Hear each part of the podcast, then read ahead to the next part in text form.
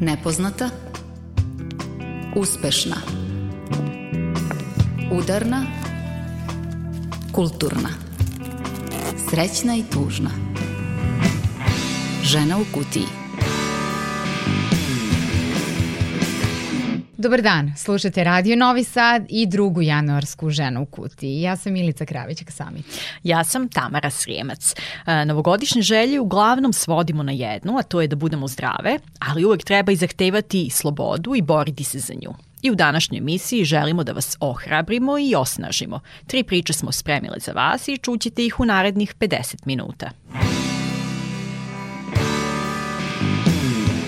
Ako ne verujemo istraživanju Harvardske poslovne škole da su se žene pokazale kao bolje liderke u kriznim vremenima, može li nas u to uveriti profesorka doktorka Leposava Grubić-Nešić? Pa, rizik je merljiva kategorija. U riziku su e, jako često bolji muškarci, ali u neizvesnim uslovima, kao što je ovaj, ovaj sada situacija sa COVID-om, su bolje žene jer su one navikle na te neizvesne uslove.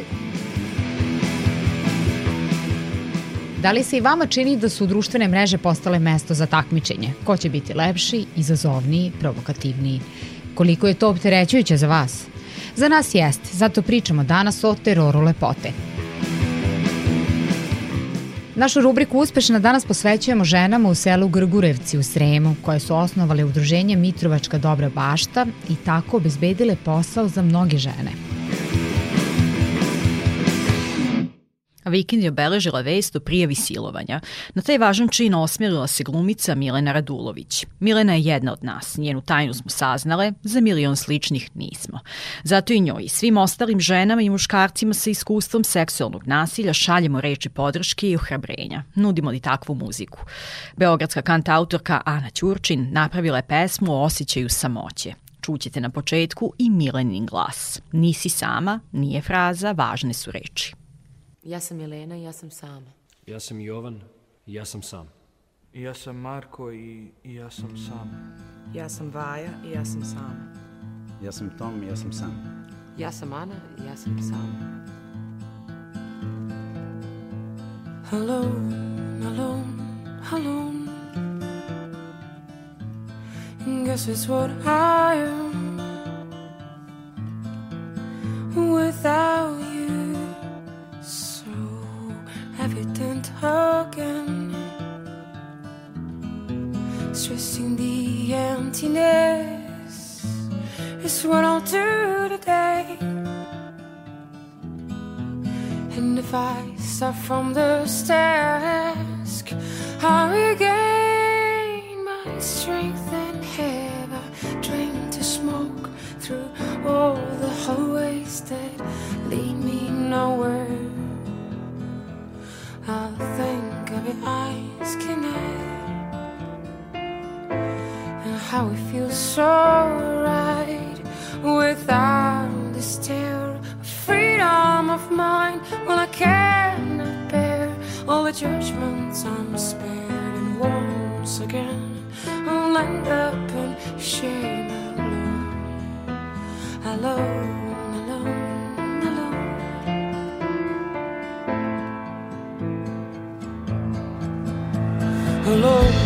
alone, alone.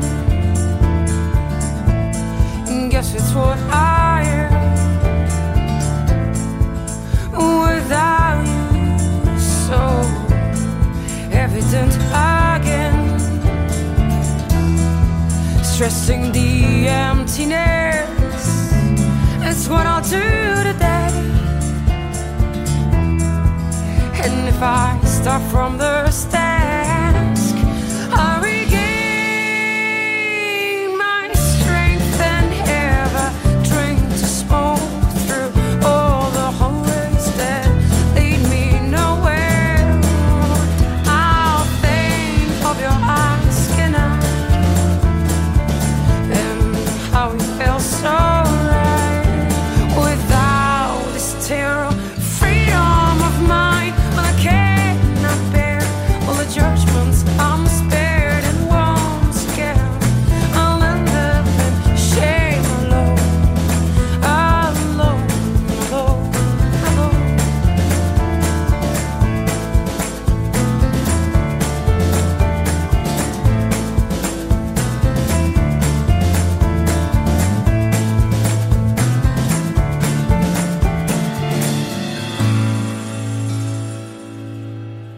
Udarna žena u kutiji.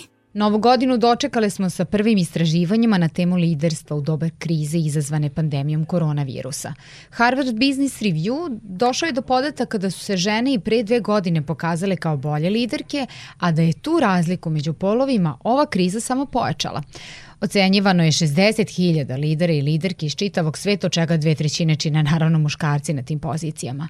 Rezultati pokazuju da liderke imaju bolje komunikacijske veštine, sklonost ka timskom radu, saosećajnost, iskrenost i razumevanje, što je u doba pandemije dodatno vrednovano. Autori istraživanja Zenger i Folkman zaključuju da iako takve osobine i veštine češće pokazuju žene, nastava krize i njeno intenziviranje zahtevaće od svih lidera, bez obzira na pol, takvo ponašanje. Tragom te vesti zapitale smo se šta mi u Srbiji uopšte znamo o pojmu liderstva, kako možemo objasniti razlike između žene i muškaraca na rukovodećim pozicijama i na koji način komentarišu novo istraživanje naše liderke i stručnjakinje u svojim oblastima. Ti rezultati koje ste sad videli su zapravo rezultati koji su naučnici dobili pre 15-20 godina, a pokazali su da su žene bolje u komunikaciji, što nije nikakva, e, nikakva novost, da su bolje u, u nekakvoj empatiji, trude se da razumeju druge ljude, da, se, da su više usmerene na komunikaciju i na druge ljude nego na a, same ishode. I to su bile te nekakve prvobitne razlike između muškog i ženskog menadžmenta i onda kasnije i muškog i ženskog liderstva. Objašnjava rezultate sa Harvarda naša profesorka doktorka Leposava Grubić-Nešić sa Fakulteta tehničkih nauka u Novom Sadu, dodajući da su žene više orijentisane na samorazvoj, a muškarci na uspeh i to je ključna razlika zašto se sada pokazuje da i žene mogu da budu jako dobri lideri, neovisno u kom poslu funkcionišu zato što su usmerene na razvoj i zato što su naučile šta znači nešto uspešno raditi. U psihologiji važi jedno pravilo da kad nešto znaš jako dobro da radiš, onda ćeš mnogo lakše naučiti i neke druge stvari da jako dobro radiš.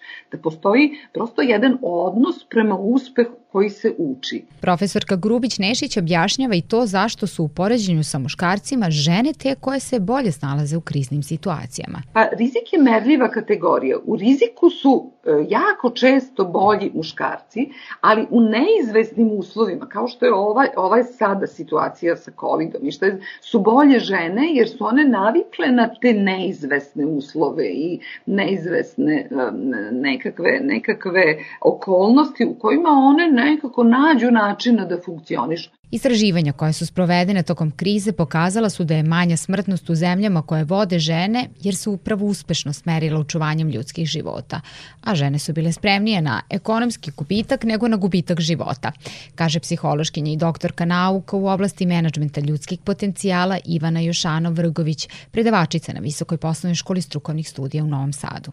Sada kada se osvrnemo na rezultate spomenutih istraživanja, kao i na reprezentativnost uzoraka koji su korišćeni, možemo da primetimo da je oko 10% uzorka da su činile žene, liderke, a 90% muški lideri. Takođe, treba da imamo na umu da su istraživanja sprovedene u doba krize i da se ovako dobijeni rezultati mogu upotrebiti u kriznim situacijama.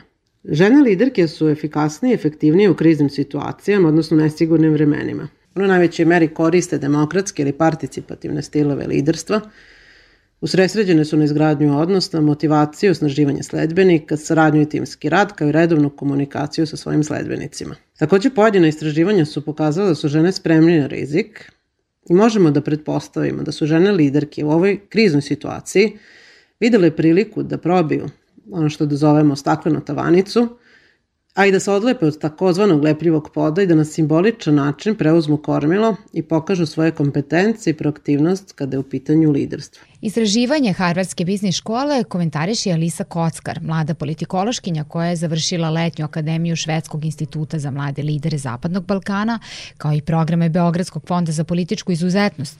Takođe, ona je i bivša odbornica Skupštine grada Zrenjanina i članica glavnog odbora Demokratske stranke. Ono što me zapravo više iznenadilo od toga jeste da je posebno tako brzo neko to primetio i da, da je zaista se desilo istraživanje i neki tekstovi koji su tu teoriju podoprili jer meni se nekako već godinama čini da situacija jeste takva i mislim da smo zbog ove krize sa kojom se suočava ceo svet imali zapravo priliku da vidimo neku drugu stranu života, neku drugu stranu politike, stranu politike koja je mnogo bliže onome što bi politika trebalo da bude, koja se fokusira na rešavanje problema sa jedne strane, ali i na pitanje kako sve ovo utiče na nas, kako je ova kriza uticala na nas kao na ljude, na empatiju i solidarnost sa druge strane. Profesorka doktorka Leposava Grubić-Nešić sa Fakulteta tehničkih nauka, gde predaje upravljanju ljudskim resursima, liderstvu, motivaciji timskom radu, smatra da liderstvo predstavlja jedan od najfinijih stilova upravljanja.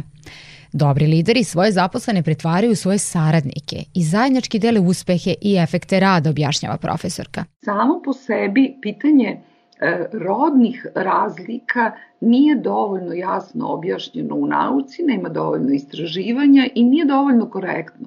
Sad ako mi kažemo da su tu muškarci bolji u ovom onom, a žene u ovom ili onom, onda mi zapravo ne dajemo mogućnost razvoja ni jednima ni drugima. U ovom trenutku postoje nekakve razlike u odnosima prema zaposlenima i odnosima prema poslu koje su uslovljene sociokulturološkim i psihološkim aspektima.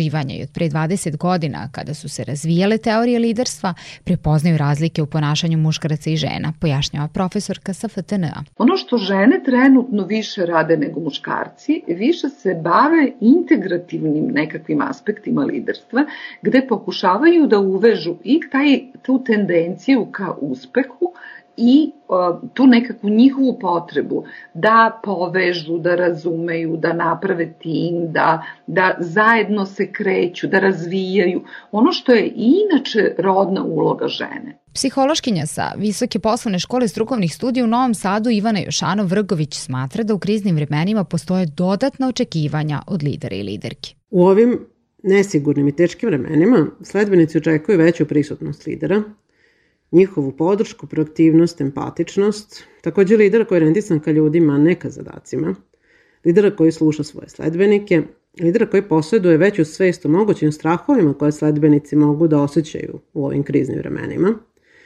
Takođe lidera koji je zabrinut za dobrobit svojih sledbenika, koji je osetljiv i razume stres, anksioznost i frustracije koje sledbenici mogu osjećati ovim vremenima. Možemo da zaključimo na kraju da su žene liderke efektivne u kriznim situacijama, da ne bolje donose odluke u rizičnim situacijama, da više brinu o radnom i mentalnom zdravlju svojih sledbenika, kao i da bolje odgovaraju na potrebe sledbenika u, u ovim kriznim situacijama. Ovo je muška civilizacija u kojoj se teško prolazi pogotovo u određenim poslovima. Vidiš gde možeš da stigneš, ali ne uspevaš, kaže profesorka doktorka Leposava Grubić-Nešić, smatrajući da liderstvo žena nije dovoljno razvijeno ni kod nas, ni u svetu, zbog čuvenog fenomena staklenog plafona. Poslovi su i, i dalje podeljeni na muške i ženske. Nažalost, to nije tačno, to to je potpuno jedna besmislica, ali to je tako najčešće da ta uverenja uh, dominiraju, naročito kod manje obrazovanih i kod uh, jako ambicioznih.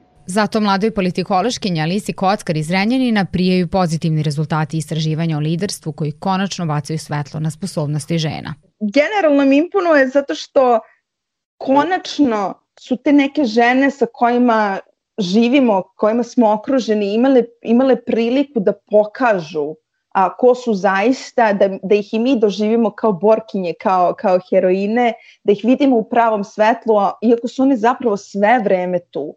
A, o, govorimo tu od a, žena koje rade u prodavnicama smene po 12 sati i koje su radile i u toku, i u toku najgorih momenta u pandemiji do onih koje su se našle u vestima i samo na prvi pamet mi već padaju a, Ana Lalić, Žaklina Tatalović, Jelena Zorić, a, Tatjana Aleksić, Maja Dragić, ili ako ćemo da se bavimo malo politikom, Dragana Rakić, Tatjana Vešović, Ana Stevanović, Lidija Martinović, ili a, žene koje su se posebno pokazale u, u okviru svojih profesija, ali i zbog a, hrabrosti da pričaju i, i, i da pokažu ljudima kako one vide život u Srbiji u doba covid Biljana Stojković, Nela Tonković, Minja Bogavac i još mnoge, mnoge, mnoge druge žene. Predno žene je da se lakše snalaze u istovremenom obavljanju različitih aktivnosti, smatra profesorka Grubić-Nešić, objašnjavajući da to proizlazi iz njene rodne uloge.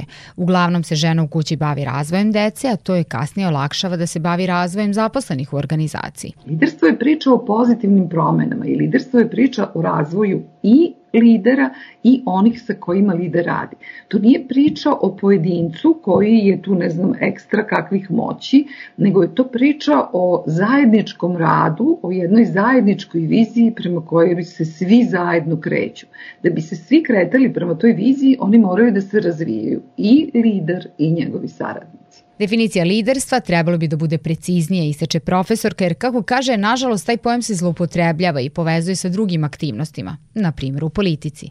A nisu svi političari lideri. Dakle, lider je taj koji ne laže, koji se trudi da radi najbolje moguće i koji to deli sa svojim saradnicima, bez ikakvih ograda. To je jedini preduslov uspeha, neće čovek moći sam da napravi uspeh i jedini preduslov uspeha je da ljudi rade zajedno, ali na jednoj um, zdravoj osnovi sa jednim čestitom, jednom čestitom komunikacijom i sa jednim dobrom idejom šta treba da se uradi. Liderstvo se uči, smatra profesorka, sa tim se ne rađa. Tako je velika Simone de Beauvoir pisala da je istina da se niko ne rađa kao genije, već to postaje.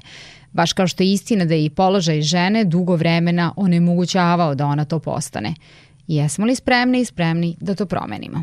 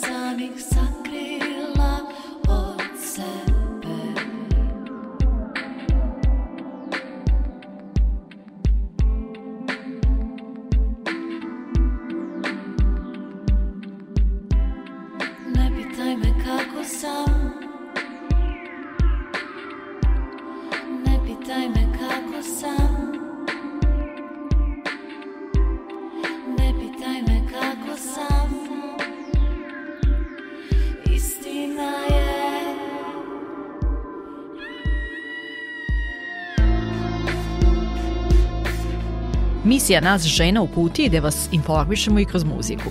Volimo da poklonimo pažnju domaćim autorkama. Ovo je Ana Marija iz Subotice koja stvara pod imenom Strawberries. A na novoj pesmi posle svega gostuje i gitarista David Aksamit, dodaću Miličin omiljeni.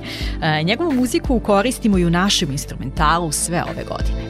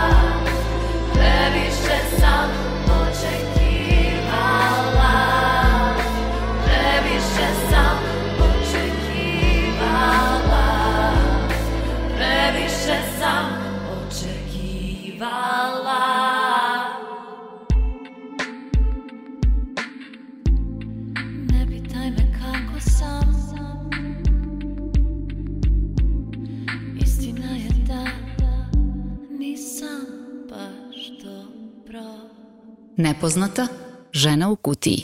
U rubrici Nepoznata želimo da analiziramo prikaz žene na društvenim mrežama. koliko taj poželjan izgled koji se plasira prvenstveno putem Instagrama, ali i drugih društvenih mreža, stvara pritiske na nas to naročito na devojke u pubertetu. Koji su posledice toga, koja moguće rešenja za ženu u kutiji govore psihološkinja, filozofkinja, fotografkinja i kolumniskinja? Najpre psihološkinja Aleksandra Savić kaže da stiče utisak da su društvene mreže postale mesto za takmičenje ko će biti lepši, izazovniji, provokativniji i to je izuzetno opterećujuće. Virtuelni i nerealni standardi lepote i uspeha većini postaju nedostižniji, a napraviti što bolju fotografiju postao je bitan cilj, kaže psihološkinja, ali i ističe posledice toga. Ukoliko se taj cilj e, ne ostvari, osoba počinje samo sebe da doživljava kao manje vrednu i dolazi do učvršćivanja nesigurnosti. E, nekako društvene mreže stimulišu nezdravu opsednutu samim sobom, naročito telom i pojavom. S jedne strane postiču te narcističke crte ličnosti, a sa druge strane povezani su sa nezadovoljstvom vlastitim telom i to nezadovoljstvo je često povezano sa poređenjem sa drugima i fokus se stavlja isključivo na mane ako prosto tinejdžeri upadnu u taj začarani krug poređenja sa osobama koje izgledaju savršeno po njihovom mišljenju i imaju veći broj pratilaca lajkova, onda dominantno osjećanja mogu postati zavisti ljubomara u čijoj srži je naravno manjak samopouzdanja. Koje ideale nameću društvene mreže objašnjava kolumniskinja Jovana Kišanski vrlo često na svom blogu, sada i za našu emisiju.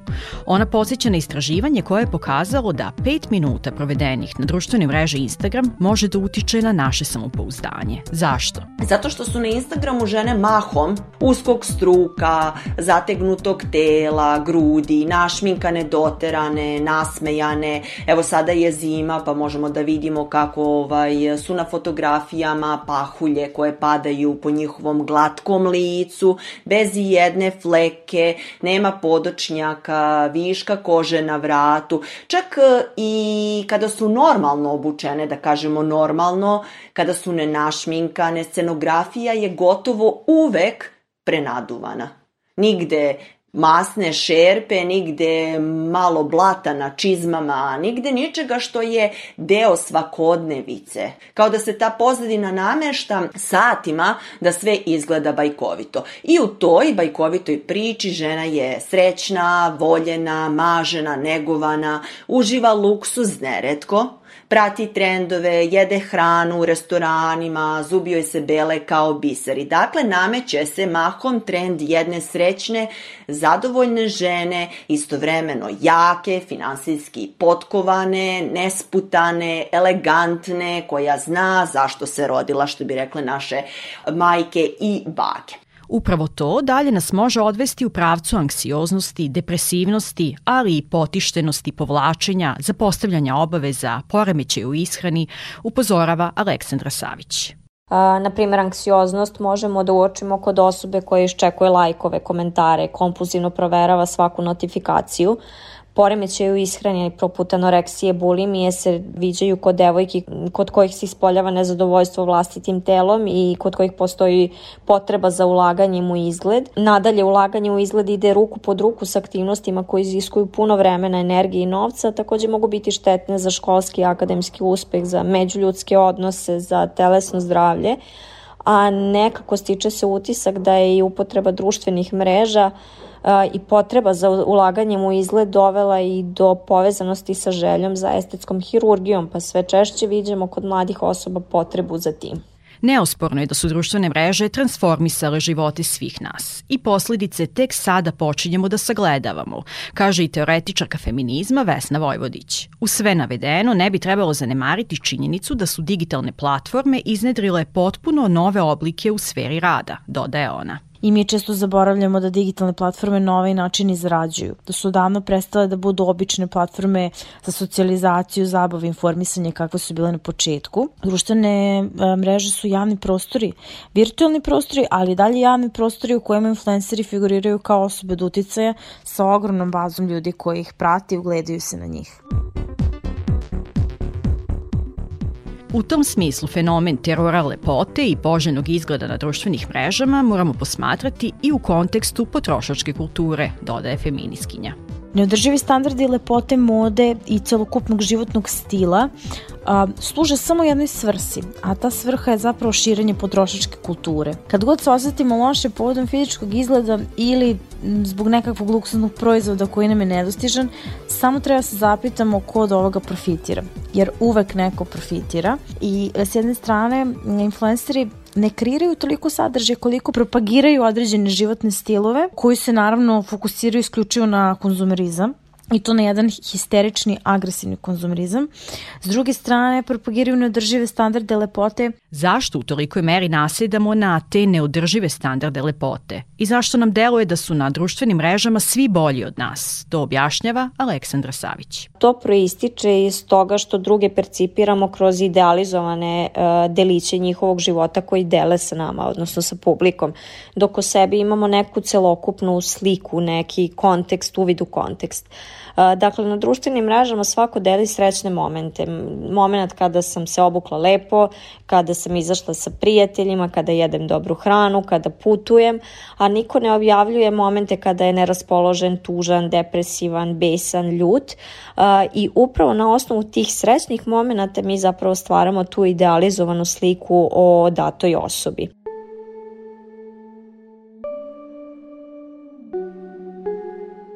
Ni sami influenceri u realnosti ne izgledaju tako kako se prezentuju u virtualnom svetu, ističe osnivačica udruženja Feme Praksis Vesna Vojvodić.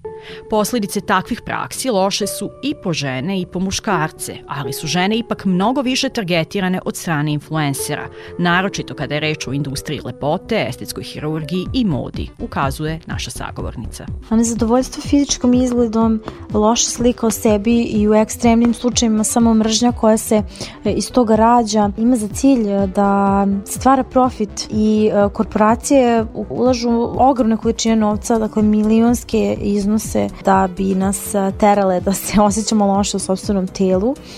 Jako je teško izboriti se sa ovakvim tehnikama manipulacije jer su sva ljudska bića zapravo produkt kulture u kojoj žive.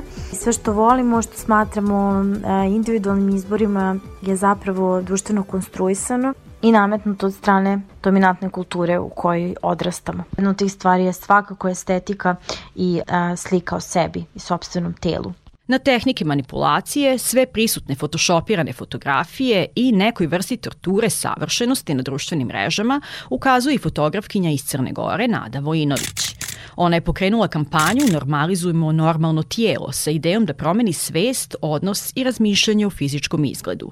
Bez photoshopa i nerealne slike. To je ono što njena kampanja i fotografije poručuju. Mi smo željeli da preplavimo društvene mreže našim prirodnim tijelima i našim prirodnim osmisima. E, smatramo da danas postoje dva života, a to su e, društvene mreže život i realan život, gdje danas vidimo da su društvene mreže život e, totalno zasijenile realan život. Sve više se danas mladi, mada imamo i starije isto osobe, podližu raznim filterima i photoshopiranjem, zapravo modifikovanjem svog tijela kako bi se uklopili u taj idealni i savršeni oblik. Ali na kraju krajeva kada dođemo kući i ogledamo se ogledalo i ne vidimo to što mi prezentujemo online, mi postajemo nezadovoljni i nesrećni.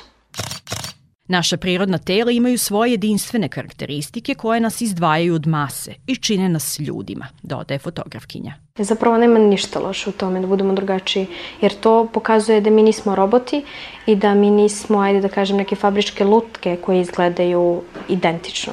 Um, zato je najbolje prigrliti jedinstvenost i pri, prigrliti ono što nas prezentuje drugima i zbog čega će drugi znati da smo to mi ukoliko e, imamo te neke jedinstvene karakteristike kojih se ne stidimo. Osim što kreiraju poželjan fizički izgled, fabričku lutku, društvene mreže nameću i drugačiji koncept života koji takođe stvara negativne posledice. Na to ukazuje novinarka Jovana Kešanski. To su svi oni tekstovi na mrežama gde se ženama kao prvačićima u školi savetuje da ništa ne moraju osim da zavole sebe. I to je u redu. Ali meni se lično diže kosa na glavi kada pročitam bilo šta što poručuje moraš. Ja ne volim tu reč moraš. Obrni okreni, žena onda uvek nešto mora. Znači ovde kao mora da bude lepa, zategnuto, zategnutog tela, nasmejana, bez bora, bez fleka, punih usana, a sa druge strane moraš da zavoliš sebe, moraš da kažeš ne, moraš da staneš sa ovim. Znači, obrni, okreni, žena uvek nešto mora. E, kad to mora prestane da se stavlja u istu rečenicu sa žena, moći ćemo da kažemo da je žena u Srbiji oslobođena predrasuda, etiketa, e,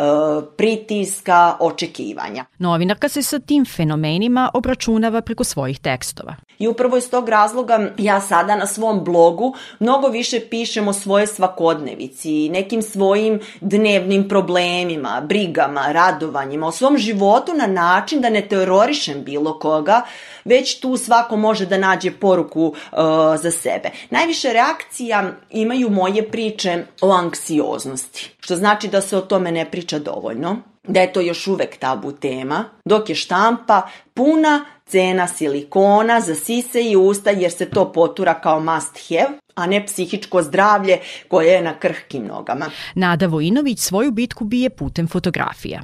Učesnici i učesnice njenog projekta Normalizujemo normalno tijelo su, kako kaže, hrabri muškarci i žene koji su izašli iz svoje zone komfora, stali ispred objektiva i prikazali telo onakvo kakvo je.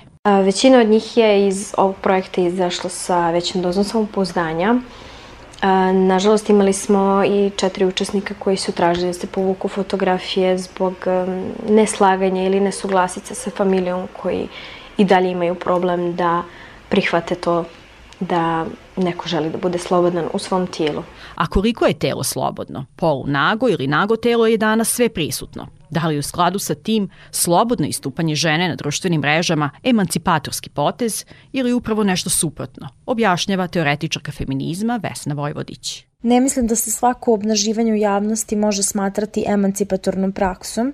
To zavisi od konteksta a, u kome se nalazimo ali je činjenica da su žene učene da je njihovo telo na neki način pogrešno, ružno ili da, da mu je potrebna modifikacija, te iz te perspektive da obnaživanje bi se moglo smatrati emancipatornim. Međutim, dolazimo do problema komercijalizacije i seksualizacije tela, te smatram da ovde postoji ogromna količina zloupotrebe i eksploatacije te bi onda jedina emancipatorna praksa a, tog tipa bila ona u kojoj žena ima potpunu kontrolu kult tela i telesnog, odnosno prenaglašavanje značaja lepote tela, nego je se i onim pokretima koji su protiv a, nametnutih a, standarda lepote, a smatram takođe da je a, koliko god da su ovi pokreti a, doneli zaista nešto dobro ženama i osnažili ih da zavole sebe i svoje telo i da se o, odupru ovim nametnutim očekivanjima, društvenim očekivanjima, smatram da je jedina prava emancipatorna praksa upravo upravo osloboditi sve lepote kao a, značajnog činioca ženske egzistencije, jer a, lepota to svakako nije. Na preuzimanje kontrole poziva i fotografkinja iz Crne Gore preko kampanje koju je pokrenula. Mi uvijek možemo da modifikujemo svoje tijelo, ali je najbitnije da se shvati da se to ne radi zbog nekih drugih ljudi i da ukoliko neko drugi ne može da prihvati smo mi drugačiji, da to, da to nije naša stvar nego njihova jer e, tvoje tijelo je tvoja stvar i tvoje tijelo želi da bude slobodno, kao i ti. Kako odnegovati to kritičko promišljanje kod tinejdžera, kod generacije milenijalaca koja raste uz društvene mreže u vreme kada je više nego ikada prisutno fabrikovanje i nametanje određene nerealne estetike? Rešenje je razgovor, bez osuđivanja, kaže psihološkinja Aleksandra Savić. Šta misliš, zašto tvoja drugarica svakodnevno objavljuje svoje selfije ili zašto svaki pratilac ili like koji dobiješ čini da se ti osjećaš bolje? Mislim da je jako značajno razvijati autentičnost kod e, tineđera i kod dece u smislu da prihvataju sebe kao celovitu ličnost sa svim svojim vrlinama i manama i takođe da nauče da tolerišu neuspeh i nezadovoljstvo jer oni prosto jesu sastavni deo života. Kao majku, svesna sam već sada da me čeka uh, veliki posao. Biće izazov odgajiti uh, čerku u vreme kada je lepota svedena uglavnom na fizički izgled i kada je trend puštanja lica i tela kroz filtere toliko jak, a ogledalo u kupatilu uglavnom pokazuje nešto drugo. I želimo da pozovemo sve ljude da počnu da prezentuju svoja tijela, iskrena tijela sa svim svojim jedinstvenim karakteristikama na svim društvenim mrežama i da na taj način pokažemo i modnim agencijama i filmskoj produkciji i svim ostalim industrijama koje propagiraju jedan oblik savršenog tijela da je zapravo nas više ovakvih prirodnih i da bi trebali oni nama da se e, podrede, a ne me njima. Mislim da bi svaki roditelj mogao da zasuče rukave i svojim primerom i pričom stvori neke zdrave temelje kod uh, deteta. To se ne može postići ako recimo majka kuka pred devojčicom kako je debela i grozna, kako će da preskoči večeru ili će za doručak popiti samo čašu tople vode sa limunom pa će joj se mantati čitav dan. Ako se pola sata namešta pred ogledalom da bi napravila dobar uh, selfie, ako je srećna jedino kada ode u shopping, ako svakodnevno svoje čerki pokazuje svojim primerom koliko je važan izgled, garderoba, kosa, ten, kilaža. Znači mi ne možemo da se vratimo u vreme kada se nos operisao samo zbog devijacije. Ovde smo, možda će biti još gore, mi, mi to sad ne znamo, ali zato nam jedino preostaje da svoju decu naučimo i pokažemo im svojim primerom šta lepota jeste i da verujemo da smo ih valjano opremili za ovaj ludi svet mreža.